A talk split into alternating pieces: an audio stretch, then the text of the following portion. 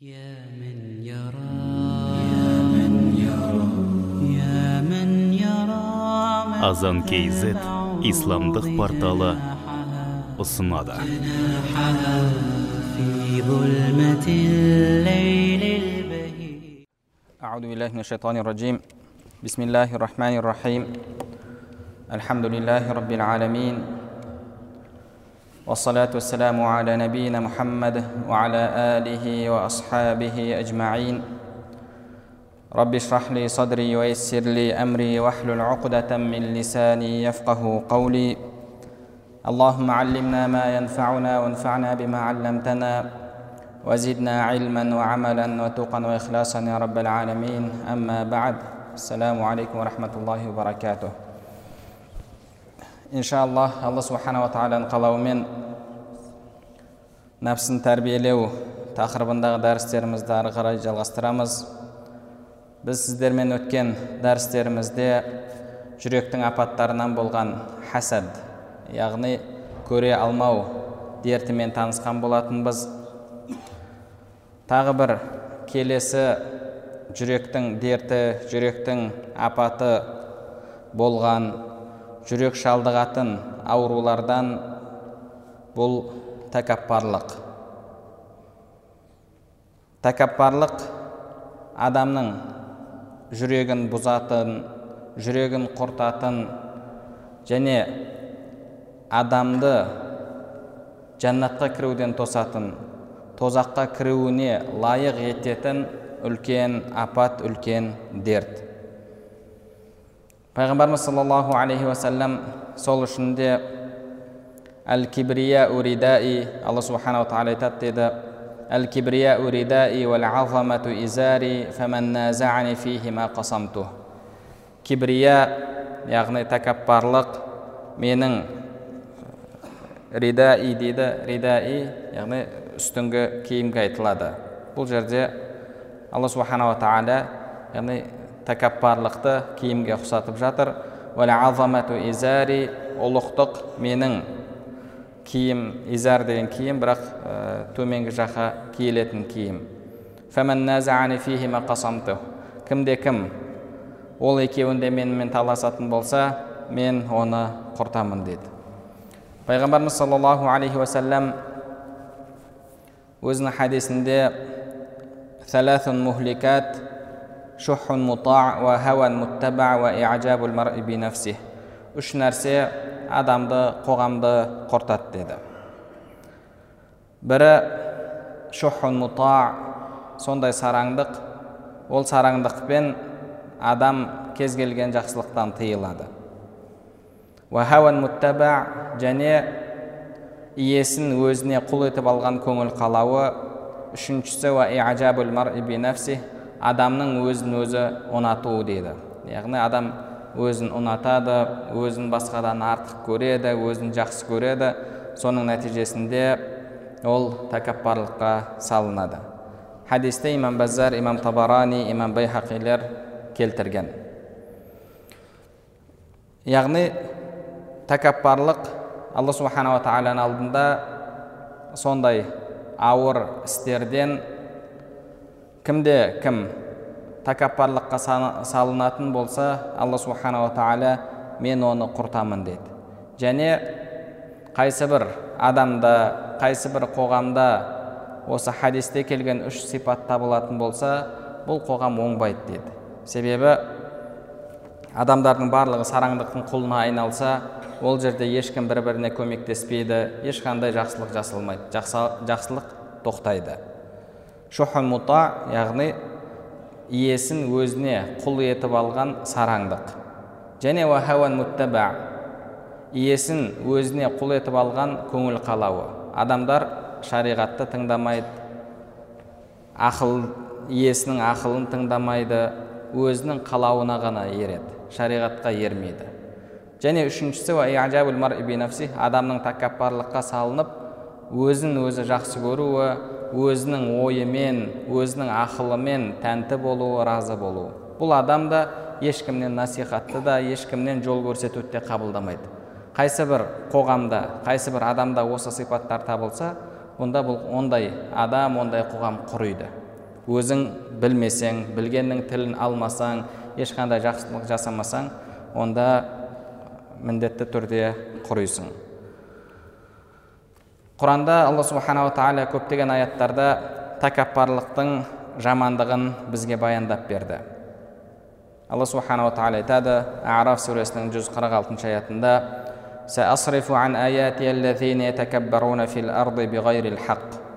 мен жер бетінде орынсыз тәкаппарланатындарды аяттарымнан тосамын дейді аяттарымнан тосамын оның жүрегіне алла субханала тағаланың аяттары кірмейді оның жүрегі аяттарды оқып тәкаппарлық таба алмайды. Әлбетте тәкаппарлық орнымен орынсыз деп бөлінбейді. Бұл жердегі биғайрил хақ орынсыз деген сөз яғни тәкаппарлықтың жалпы дұрыс емес екендігін баяндау үшін келген сөз. Құранда ондай аяттар кездеседі. Мысалы алла субханала тағала айтады кімде кім ешқандай дәлелсіз құжатсыз алладан басқа тағы бір нәрсеге табынса дейді алладан басқа нәрсеге табынған адамның құжаты болуы мүмкін емес ол екі дүниеде ол адамда құжат болмайды ешқандай онда дәлел болмайды бұл жерде оның ісінің дәлелсіз екендігін негіздеу немесе құранда алла субханала тағала тағы да айтады яхудилер жайында олар пайғамбарларды нахақтан жазықсыз өлтірді деді. Ешқашан ешқандай жағдайда пайғамбарды өлдіру уәжіп болатын немесе пайғамбарды өлдіру дұрыс болатын уақыт болмайды. Неге себебі? Пайғамбар ондан кек алуды уәжіп ететін амалдарға бармайды. Себебі пайғамбарларды алла субханала тағала ондай күнәлардан сақтаған. Сол секілді бұл жерде де жер бетінде орынсыз тәкаппарланады дегені яғни жалпы тәкаппарлықтың орынсыз болатындығын орынсыз іс екендігін білдіреді. Орынсыз немесе орынды тәкаппарлық болмайды. Алла субханала тағала құран кәрімде тағы да айтады.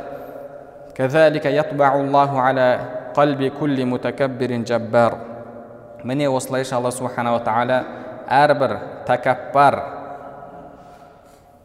зорлыққа зорекерлікке салынғандардың жүрегіне мөр басады дейді. Және алла субханала тағала басқа бір аятта ол тәкаппарлыққа салынғандарды жақсы көрмейді деді.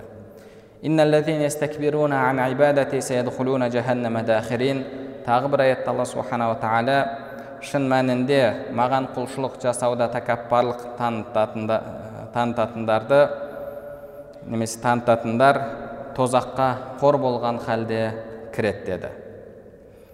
Пайғамбарымыз саллаллаху алейхи уассалам өзінің хадистерінде тәкаппарлықтың күнә екендігін алланың алдында үлкен ауыр іс екендігін білдіріп көптеген хадистер айтқан сол хадистерден пайғамбарымыз саллаллаху алейхи вассалам айтады لا يدخل الجنة من كان في قلبه مثقال حبة من خردل من كبر кімнің жүрегінде бір дәннің өлшеміндегі өлшемінде кибірлік тәкаппарлық болатын болса ол адам жәннатқа кірмейді деді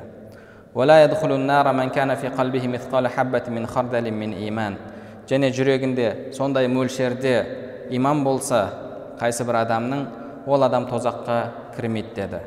Тозаққа кірмейді дегеннің мағынасы яғни тозақта мәңгі қалмайды деген сөз. Себебі біз алла субханала тағаланың қалауымен көптеген күнәһарлардың мұсылман болып бұл дүниеден өткен бірақ күнәлармен өткен адамдардың тозаққа кіріп тозақта күнәлары үшін азапталып кейін қайта жәннатқа кіретіндігін білеміз.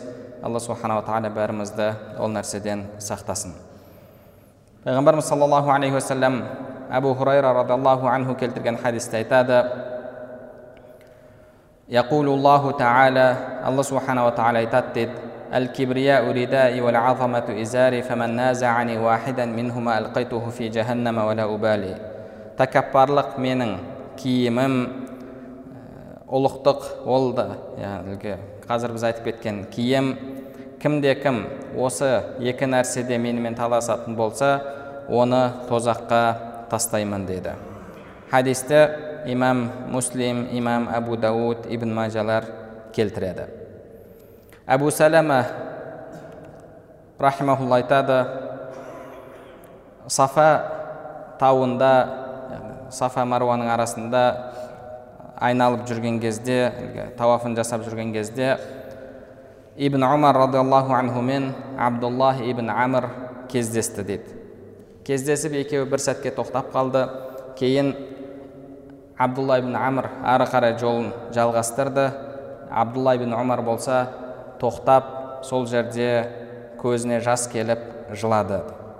Сонда жанындағылар не болды не үшін жылап жатсың деген кезде абдулла ибн абдулла ибн омар радиаллаху анхума айтты мына бауырым пайғамбарымыз саллаллаху алейхи уассаламнан жеткен мына хадис жайында маған хабар берді من كان في قلبه مثقال حبة من خردل من كبر أكبه الله في النار على وجهه кімнің жүрегінде бір дәннің түйіріндей кібірлік болатын болса тәкаппарлық алла субханала тағала жүзімен ол адамды тозаққа тастайды деді пайғамбарымыз саллаллаху алейхи уассалам тағы да хадисте айтады бұл алдыңғы хадисті имам ахмад имам байхақилер риуаят еткен пайғамбарымыз саллаллаху алейхи вассалам тағы да айтады لا يزال الرجل يذهب بنفسه حتى يكتب في الجبارين فيصيبه ما أصابهم адам тәкаппарлыққа салынып тәкаппарлығы ұлғая береді.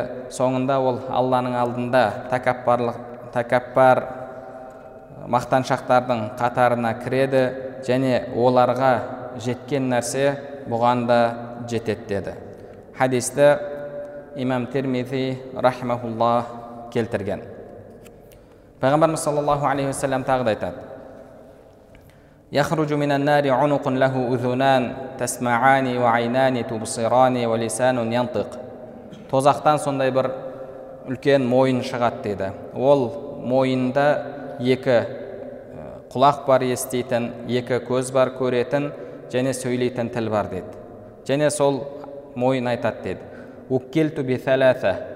үш түрлі адамдарды азаптау маған тапсырылды бикулли жаббарин анид әрбір тәкаппарлыққа салынған шектен шыққандар қасарысқандар. Және алладан басқа құлшылық жасағандар.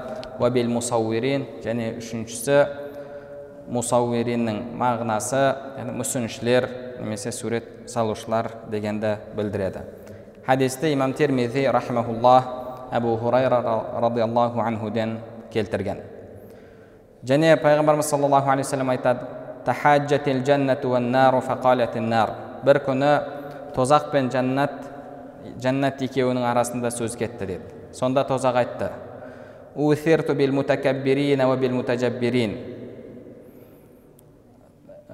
тәкаппарлар шектен шығушылар маған кіреді мен соларға арналдым деді وقالت الجنة сол кезде жәннат айтты мәли لا يدخلني إلا ضعفاء الناس وسقاتهم وعجزتهم не үшін маған тек қана әлсіз адамдар кіреді міскіндер кіреді деді فقال الله للجنة сонда алла субханала тағала жәннатқа айтты إنما أنت رحمتي أرحم بك من أشاء من عبادي сен менің мейірімділігімсің менің рахмат рахымдылығымсың сенімен қалаған құлымды мейіріміме бөлеймін.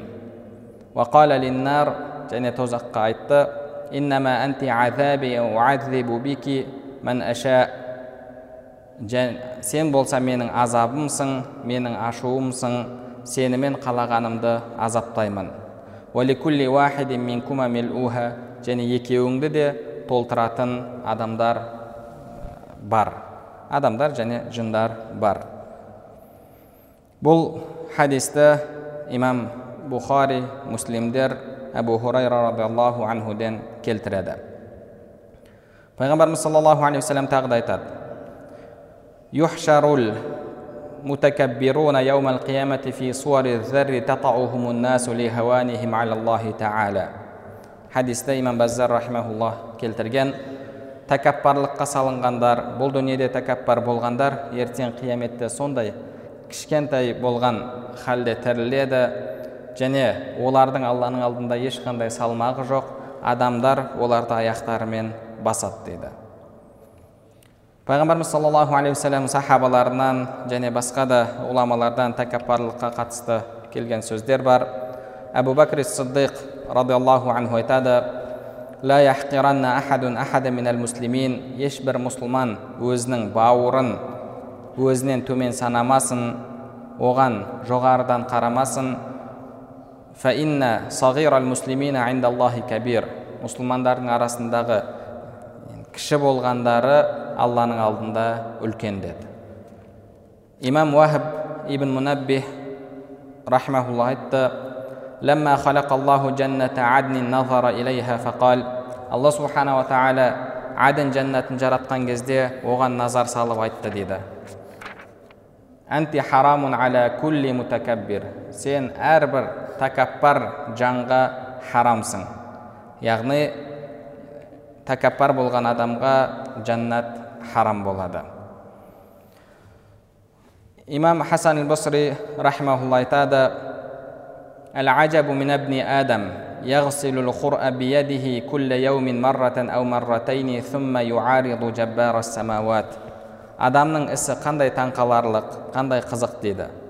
Күніне бір рет бірнеше рет өзінің нәжасын жуады өз қолымен жуады сөйте тұра аспан жердің жаратушысына раббысына қарсы шығады дейді. Міне адамды алла субханала тағала сондай әлсіз етіп қойды оны өзінің нәжасын өзі жуатын етіп қойды.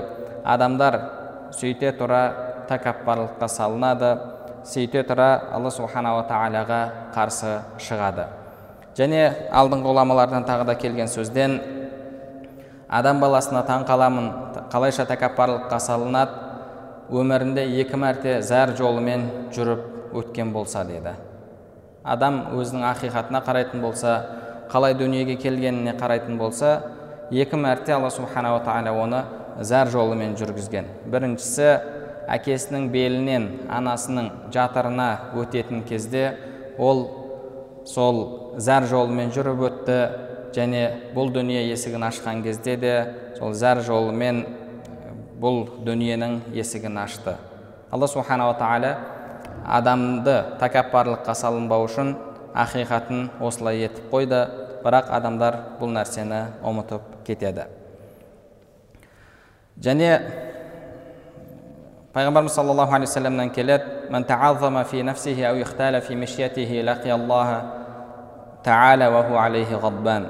кімде кім өзін көңілінде ұлық көретін болса немесе жүрісінде тәкаппарлыққа салынатын болса ертең алла субханала тағаланың алдына барған кезде алланың оған ашуы болады деді араб тілінде мұхтал және фахур деген екі сөз бар.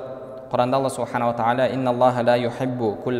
фахур алла субханала тағала әрбір даңдайсыған тәкаппарды жақсы көрмейді дейді мұхтал бұл жүр, жүрісінде іс әрекетінде тәкаппарлыққа салынған адам фахур сөзінде тәкаппарлық жасайтын адам бір адам тәкаппарлыққа салынбауы мүмкін тәкаппарлыққа салынып өзін ұлықтап сөз сөйлемеуі мүмкін бірақ оның іс әрекетінен тәкаппарлықты көруге болады егер өзінен төмен адам келетін болса жанына келіп сөйлеспекші болса немесе әлгі жағдайы нашар адам келіп қолын алмақшы болса шекесі тыржайып жақтырмастан өзі секілді немесе бір байлар келетін болса көңіл күйі көтеріліп олармен сөзі жарасып бұл адамның ісінде тәкаппарлық бар. Ал фахур деген ол сөзбен тәкаппарлық жасайтын адам. Мен пәленшімін мен түгеншемін мен андаймын мен мынандаймын пәленше кім бопты? деген секілді сөздерді айтып тәкаппарлыққа салынатын адам. Алла субханала тағала бұлардың ешқайсысын жақсы көрмейді. Алдыңғы имамдардан мұхаммад ибн уаси рахмаулла бір күні баласының даңдайсып тәкаппарланып жүргенін көрген кезде шақырып алып былай деді. Сен өзіңнің кім екеніңді білесің бе? деді. Білесің бе кім екеніңді әмә уммука анаң болса мен сен анаңды 200 дирхамға сатып алғам деді. «Ә, сен бір құлдың бір күңнің баласысың деді. Мен сен анаңды 200 дирхамға сатып алғам ал әкең болса әкең секілділерді алла көбейтпесін деп баласын тәкаппарлықтан қайтарған еді. Мутарриф ибн абдиллах ибн шихир бұл да үлкен имамдардан бір күні ол кісі мухаллаб деген әскер басшыны көреді әскер басшы яғни былайша айтқанда қазіргі тілмен айтатын болсақ министр обороны қорғаныс министрі сол әскер басшы тәкаппарлыққа салынып даңдайсып көшеде кетіп бара жатады сонда мутарриф ибн абдиллах ей пәленше алла субханала тағала бұндай жүрісті жақсы көрмейді бұндай жүрісті жек көреді деді сонда әлгі кісі ашуланып қарап сенің бұлай сөйлеуге қалай дәтің барады сен менің кім екенімді білесің бе деді «Кім- білесің бе мен кім екенімді деді сонда мутарриф ибн абдиллах рахимахуллах иә білемін сені кім екеніңді танимын сені сенің әуел басыңды да білемін және сенің соңыңды да білемін сен басында бір бір тамшы су едің соңында сен сасыған бір мәйітсің осы екеуінің арасында қарныңда нәжіс көтеріп жүрген біреусің деді сен, сен бұдан басқа ешкім емессің деді шынында да қарап, қарап отыратын болсақ алла субханала тағала құран кәрімде айтқандай وبدأ خلق الإنسان من طين ثم جعل نسله من سلالة من ماء مهين бірінші адамды топырақтан жаратты адам атаны. Одан кейін оның ұрпағын әлгі әлсіз сол ә, адамның денесіне тиіп кетсе барып жеркеніп денесін жуатын судан пайда етті. Адамның ақиқаты сол. Ал дүниеден өткеннен кейін ол ең жақсы көрген адамдары жанында шыдап тұра алмайтын сондай сасыған мәйітке айналады. Адамның мәйіті адамның мәйітінің иісі бұл басқа кез келген жануар кез келген хайуанаттың мәйітінің иісінен жаман.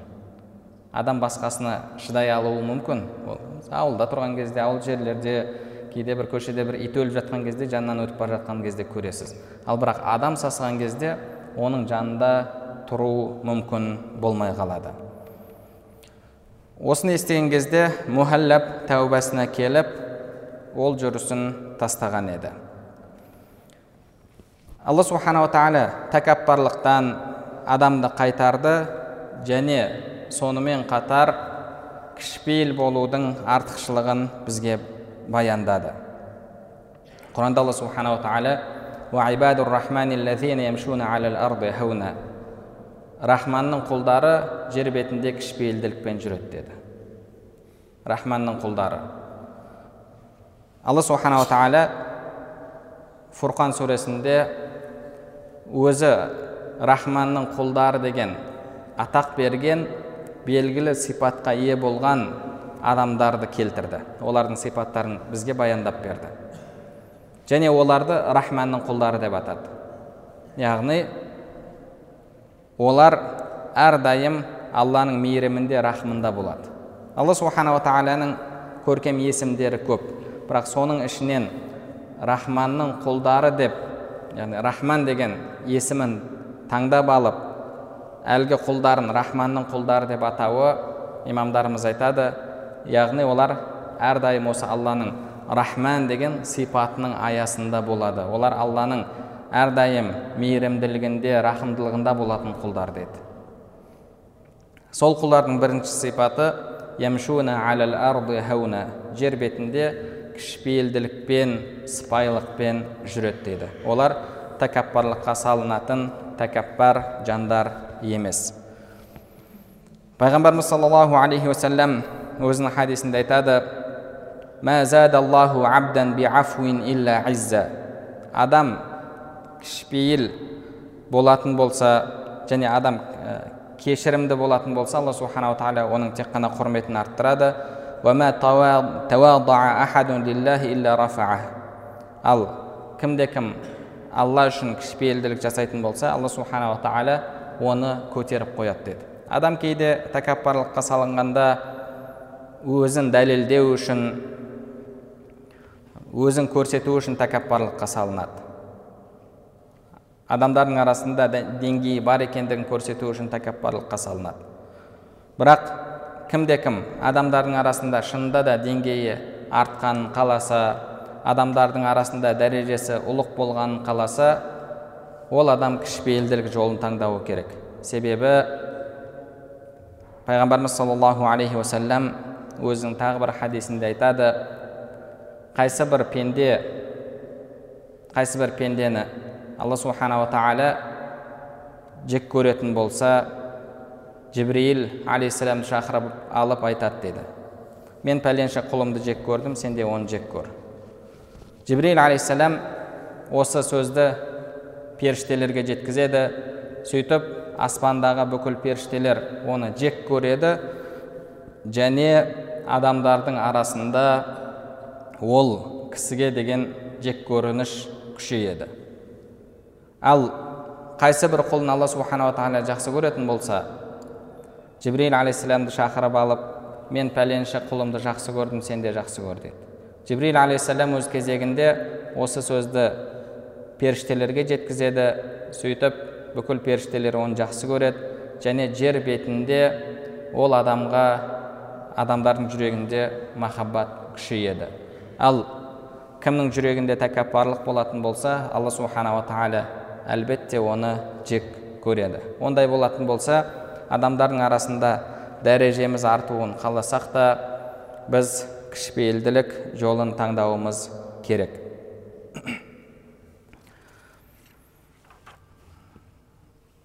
Пайғамбарымыз саллаллаху алейхи уассаламнан тағы да риуаят етіледі. Имам ибн абид дуния бұны яқин кітабында келтіреді. Әл караму тақуа жомарттық бұл тақуалықтан деді. Кішіпейілділік бұл адамға шарапат ал сеніміңнің мықты болуы осы шынайы байлық деді яғни осында адамның кішіпейіл болуы адамға шарапат екендігін пайғамбарымыз саллаллаху алейхи уассалам айтқан иса алейхисаламнан риуаят етіледі ол кісі былай деген туба лил мутавадиина фид дунья хум асхабул манабир қияма кішіпейіл болғандарға туба болсын деді туба сүйінші деген мағынаны береді және екінші мағынасы пайғамбарымыз саллаллаху алейхи уассалам бізге хабарын бергендей жәннаттағы ағаш оның көлеңкесінде атты адам 500 жыл шабат деді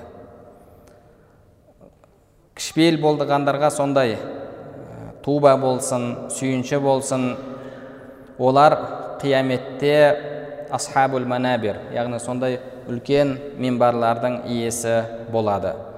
Туба лил муслихина байнан наси фид дуния ярисуна қияма. Бұл дүниеде адамдардың арасын жарастырғандарға сүйінші болсын олар ертең қияметте фирдаус мирасқорларынан болады. طوبى للمطهرة قلوبهم في الدنيا هم الذين ينظرون إلى الله تعالى يوم القيامة жүректері таза болғандарға сүйінші болсын бұл дүниеде жүректері таза болғандарға ертең олар алла субханала тағаланың жамал дидарын көреді дейді айша анамыздан риуаят етіледі ол кісі былай деген сендер ең ибадаттардың абзалынан болған нәрседен ғафләтта қалдыңдар көңіл бөлмедіңдер немқұрайлық таныттыңдар ол кішіпейілділік дейді имам фудайл рахимахуллахтан сұралған кішіпейілділік не деген кезде ол кісі айтқан أن تخضع للحق وتنقاد له ولو سمعته من صبي قبلته ولو سمعته من أجهل الناس قبلته ол кішіпейілділік деген ақиқатқа бойұсынуың ақиқатты қабылдауың ақиқатты нәрестенің аузынан естісең де оны қайтармастан қабылдауың оны яғни ақиқатты ең надан адамнан естісең де тәкаппарлыққа салынбай қабылдауың деді.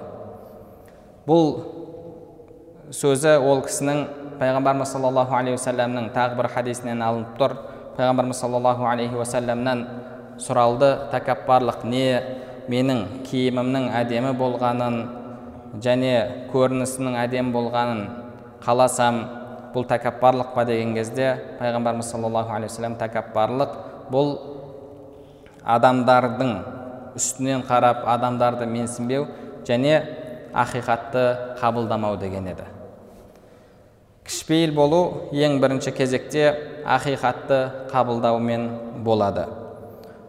Алдыңғы ғұламалардың бірі бірде бір мәселеде пәтуа берген кезде жанында тұрған шәкірті жас болады. Ол мәселе олай емес оның дұрысы былай деп жауап береді. Сонда ол кісі бір сәт ойланып тұрады да пікір жүргізіп одан кейін артынша адамдардың көзінше иә осы баланың айтқаны дұрыс мен өзімнің ойымнан қайттым. Менімен шындықтың ақиқаттың арасында ешқандай дұшпандық жоқ. Жалғанның басы болып жүргенше шындықтың құйрығы болған мен үшін хайырлы деп айтқан еді. Абдулла ибн, ибн мубарак рахимахуллахтан риуаят етіледі. Ол кісі айтады رأس التواضع أن تضع نفسك عند من دونك من عند من دونك في نعمة الدنيا حتى تعلمه أنه ليس لك بدنياك عليه فضل кішіпейілділіктің басы деді дүниеде яғни мал мүлікте сенен дәрежесі төмен болған адамның алдында кішірейіп өзіңнің одан дүниеңмен абзал емес екендігіңді сездіруің дейді және وأن ترفع نفسك عمن هو فوقك في الدنيا حتى تعلمه أنه ليس لك ليس له بدنياه عليك فضل дүниеде сенен жоғары болған мал мүлкі сенен көп болған адамнан өзіңді жоғары ұстап ол дүниесімен сенен артық емес екендігін сездіруің дейді яғни әлгі кедей адам келген кезде кедей адам өзінің өзін сізден төмен сезінбеуі керек егер сізден өзін төмен сезініп жатса сіз іс әрекетіңізбен сөзіңізбен оның сізден төмен екендігін білдіріп жатсаңыз сондай жағдайға оны қойып жатсаңыз онда бұл тәкаппарлық болып табылады. Ал дүние иесі келген кезде алдында кішірейіп жалпақтау әлбетте бұл да дұрыс емес. Имам қатада рахмаулла айтады من أعطي مالا أو جمالا أو ثيابا أو علما ثم لم يتواضع فيه كان عليه وبالا يوم القيامة кімге алла тағала бұл дүниеде дүние мал мүлік берсе сұлулық берсе киім берсе білім берсе одан кейін ол кішіпейілділікке салынбаса кішіпейіл болмаса бұл берілген нәрселер қияметте оған бәле, басына бәле болады деді имам мұғира рахимахулла айтады ибрахим нахаи бұл әхлі сүннаның үлкен имамдарынан имам абу ханифаның ұстаздарынан біз сол кісінің жанында айбат шегетін едік дейді яғни ол кісінің сондай сұсы басқан кезде біз сескенетін едік дейді хейбат әл әмир ол кісінің жанында тұрған кезде бір патшаның алдында тұрғандай сескенетін едік дейді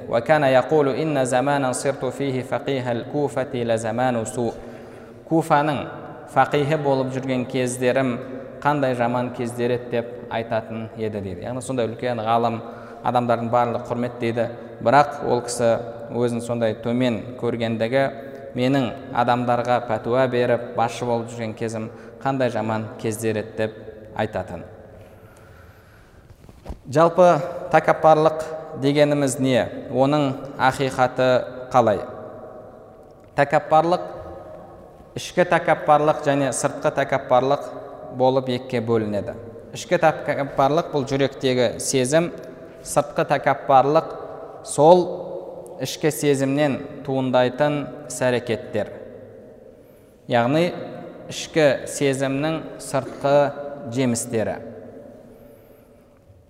Кімде кім ішкі сезімін көрсететін болса ол адамға араб тілінде тәкәббара яғни тәкаппарлыққа салынды деді. Егер көрсетпейтін болса бірақ ішінде тәкаппарлық болатын болса фихи кибр оның ішінде тәкаппарлық жүрегінде тәкаппарлық бар деп айтылады. Мысалы кейде адам тәкаппар болуы мүмкін өзін артық көріп тұруы мүмкін. Бірақ адамдардың арасында рияға салынып оны дүние мал мүлкімен немесе тағы бір басқа бір сипатымен мақтап жатса ол астағфирулла астағфирулла алла кешірсін алла кешірсін деп бір өзін кішіпейіл қылып көрсетуі мүмкін. Оның солай істеуі яғни өзін адамдардан артық көріп тұрса ішінде тәкаппарлық бар мұның істеп жатқаны рия болып табылады. Яғни негізгі тәкаппарлық бұл жүректегі сезім. Және тәкаппарлық болу үшін бұл жерде тәкаппарлыққа салынушы адам болу керек және сол тәкаппарлығын біреуге көрсетеді. Сондай екінші тәкаппарлығын көрсете алатын адам болуы керек. Адам болуы керек. Және өзінің дәрежесін екінші адамнан жоғары қоюы керек. Мына адамға дәреже беру керек өзіне дәреже беру керек та өзінің дәрежесін мынаның дәрежесінен жоғары етіп қоюы керек. Сол кезде тәкаппарлық болады. Яғни бұл жерде тәкаппарлық деген әлбетте екінші тараптың болуын шарт етеді. Мысалы бір адам өзін ұлық көреді. Өзін ұлық көруі мүмкін. Бірақ басқа адамды өзінен тағы да ұлық деп білетін болса бұл тәкаппарлық болмайды. Егер өзін ұлық көріп біреуді кіші көретін болса бұл тәкаппарлық. Мысалы өзін кіші көреді. Басқа адамды одан да өзінен де кішірек көретін болса бұл тәкаппарлық болады. Өзін кіші көріп басқаны өзінен жоғары көретін болса бұл тәкаппарлық болмайды. Бізде тәкаппарлық деген нәрсе бар және екіншісі аужиб деген нәрсе бар аужиб деген бұл орысша айтқанда самолюбие яғни адамның өзін ұнатуы өзін жақсы көруі өзін жақсы көруде аужибта екінші бір адамның болуы шарт емес екінші бір адамның болуы шарт емес ол бүкіл дүниеде ешқандай адам болмаса да ол адам аужиб ауруына түсуі мүмкін яғни өзін жақсы көреді өзіне тәнті мен қандай кереметпін машалла деп яғни өзіне разы тәнті болып жүретін адам. Ал тәкаппарлық бұл басқа адамдарға қатысты дүние. Өзін басқалардан жоғары көреді. Бұны тәкаппарлық деп атайды. Адамның тәкаппарлықтағы деңгейі де әртүрлі болады. Мысалы бір адам өзін басқалардан сәл жоғары көруі мүмкін. Екінші бір адамның тәкаппарлығы күшейген кезде адамдардың барлығын өзіне тек қана қызмет жасайтын адамдарға теңеп бұлар маған қызмет жасауға ғана лайық деп қарауы мүмкін. Кейде қатты тәкаппарлыққа салынған кезде кейбір адамдарға бұл менің аяқ киімімді сүртуге де менің есігімнің алдында қызмет жасауға да лайық емес деп одан да ол адамды төмен түсіруі мүмкін. Яғни тәкаппарлық осылайша деңгейі көтеріле береді. Және бұл тәкаппарлықтан туындайтын дүниелер өте көп. Тәкаппарлық адамды үлкен апаттарға апарып соғады сол үшін де пайғамбарымыз саллаллаху алейхи кімнің жүрегінде зәредей шаң тозаңындай тәкаппарлық болса ол адам жәннатқа кіре алмайды деді не үшін себебі тәкаппарлық адамды ақиқатты қабылдаудан тосады себебі ол біреу келіп ақиқатты айтып жатса өзін одан жоғары көреді қалайша одан қабылдайды. Және тәкаппар болған адам кішіпейіл бола алмайды. Себебі екеуі бір біріне қарама қайшы. Ал кішіпейілділік бұл алланың тақуа құлдарының негізгі басты сипаты болып табылады. Тәкаппар адам көре алмау дертіне ұшырайды. Неге? Себебі бұл адам өзін басқалардан артық көреді. Енді қалайша басқа біреу? Одан дүниеде немесе білімде немесе тағы бір басқа бір нәрседе жоғары болып кетеді жоғары болмау керек. Адамдардың барлығы бұдан төмен болуы керек. Сол үшін бұл адам көре алмау дертіне де ұшырайды. Бұл адам басқа мұсылмандармен шыншыл бола алмайды. Адам басқалармен мәмілесінде шыншыл болуы керек. Әддену дін насихат. Яғни адамдарға жақсылықты қалау керек адамдардың түзелуін қалау керек адамдарға өзіне жақсы көрген нәрсені жақсы көруі керек. Ал тәкаппар адам басқалардың оның деңгейіне көтеріліп онымен тең болғанын қаламайды. Сол үшін де ол адамдарға ешқашан жақсылықты қалап насихат жасай алмайды. Ол адам басқаларға насихат та айтпайды басқалардың насихатын да қабылдамайды. Осылайша қандай бір жақсы сипаттар болсын бүкіл бұл сипаттардан тәкаппар адам махрұм болады. Құранда алла субханала тағала осы тәкаппарлықтың себебімен көптеген адамдардың күпірлік жолында өткендігін айтады. Құранда сендер аяттарды қабылдауда тәкаппарлық танытқан едіңдер дейді. Ақиретке иман келтірмейтіндердің тәкаппарлық ә, тәкаппарлық сипатта екендігін айтады. Дейді. Маған құлшылық қылуда тәкаппарлық танытқандар тозаққа қор болған халде кіреді деді. Қарап отыратын болсақ осындай көптеген сипаттардың барлығы тәкаппарлықтан келіп шыққан және тәкаппар адам ол ақиқатты да қабылдаудан тосылады. Алла субханала тағала бағана біз сіздерге оқып берген аят жер бетінде орынсыз тәкаппарлық салынғандарды аятымды түсінуден аятым олардың жүректеріне кіруден тосып қоямын дейді. Яғни қандай жақсылық болсын оның барлығынан тәкаппар адам тосылған махрұм қалған болады. Енді тәкаппарлықтың түрлері қандай оның деңгейлері қалай алла нәсіп етсе оны келесі дәрісімізде үйренетін боламыз. Алла субханала тағала бәрімізге пайдалы білім нәсіп етсін. Жүректерімізді тәкаппарлық менмендіктен тазартсын. Алла субханала тағала сол пайдалы білімдерге амал етуімізді амалдарымыздың қабыл болуын нәсіп етсін.